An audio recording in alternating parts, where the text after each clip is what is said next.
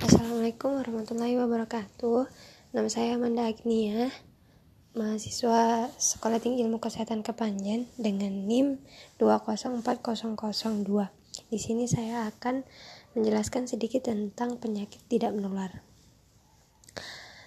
Penyakit-penyakit di bawah ini memang tidak menular akan tetapi banyak sekali orang yang menderita penyakit di bawah ini seperti halnya itu asma kardiovaskular hipertensi, stroke, gagal jantung, diabetes, diabetes mellitus, kanker, obesitas, dan tumor.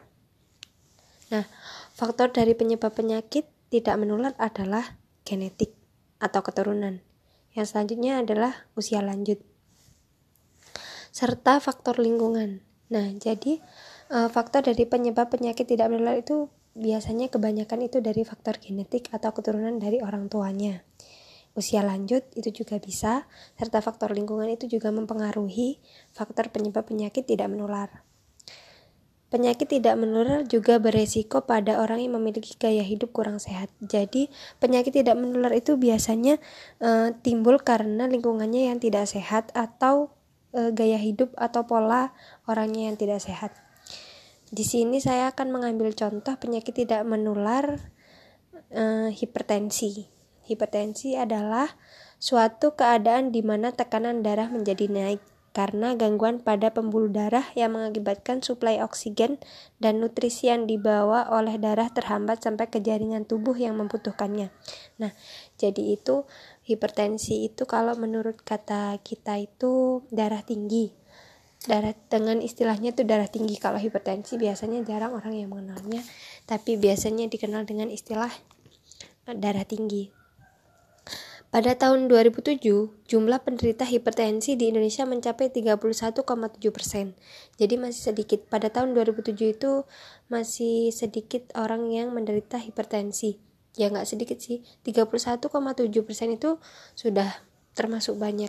Soalnya hampir separuh Nah, usia di atas 55 lebih beresiko terkena hipertensi. Jadi, orang yang biasanya terkena hipertensi atau darah tinggi itu biasanya rentan pada di atas umur 55.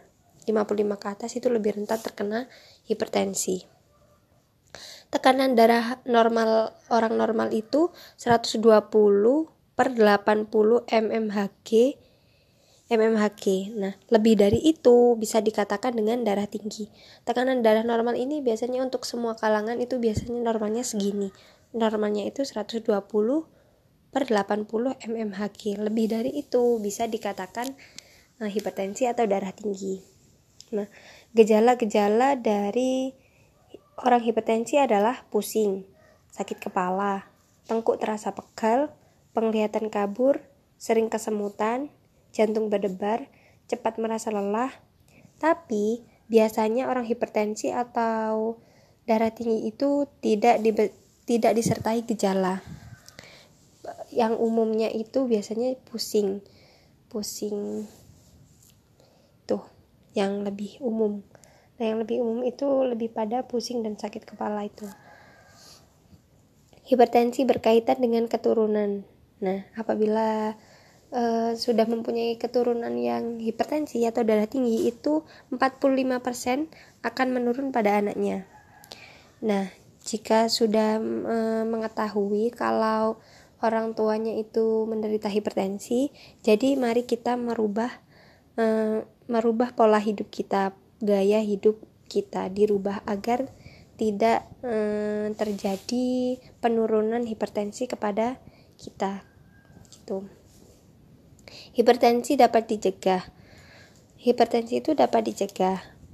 Orang yang sudah terkena pun bisa sembuh apabila eh, yang terkena itu apabila orang yang terkena hipertensi itu mengkonsumsi obat secara teratur dan berpola hidup sehat. Nah, jadi Hipertensi itu bisa dicegah, meskipun dari faktor keturunan itu bisa dicegah dengan cara kita berpola hidup sehat dan mengkonsumsi obat secara e, kalau sudah terkena ya, kalau sudah terkena hipertensi itu kita bisa sembuh dengan cara mengkonsumsi obat secara teratur.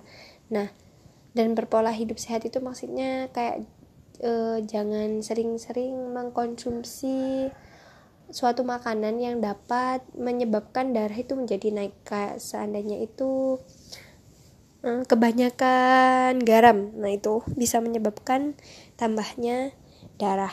Nah terus habis itu jangan terlalu dibawa perasaan tentang kegiatan sehari-hari. Kayak terlalu dipikir berat gitu. Terus habis itu dibuat masalah di, di dilebay-lebayin gitu di dilebih-lebihkan nah itu bisa menyebabkan darah menjadi naik juga hipertensi ini tidak mematikan Hipertensi atau darah tinggi ini tidak mematikan, akan tetapi jika hipertensi ini dibiarkan terus larut, terus terus mengembang, akan berakibat fatal.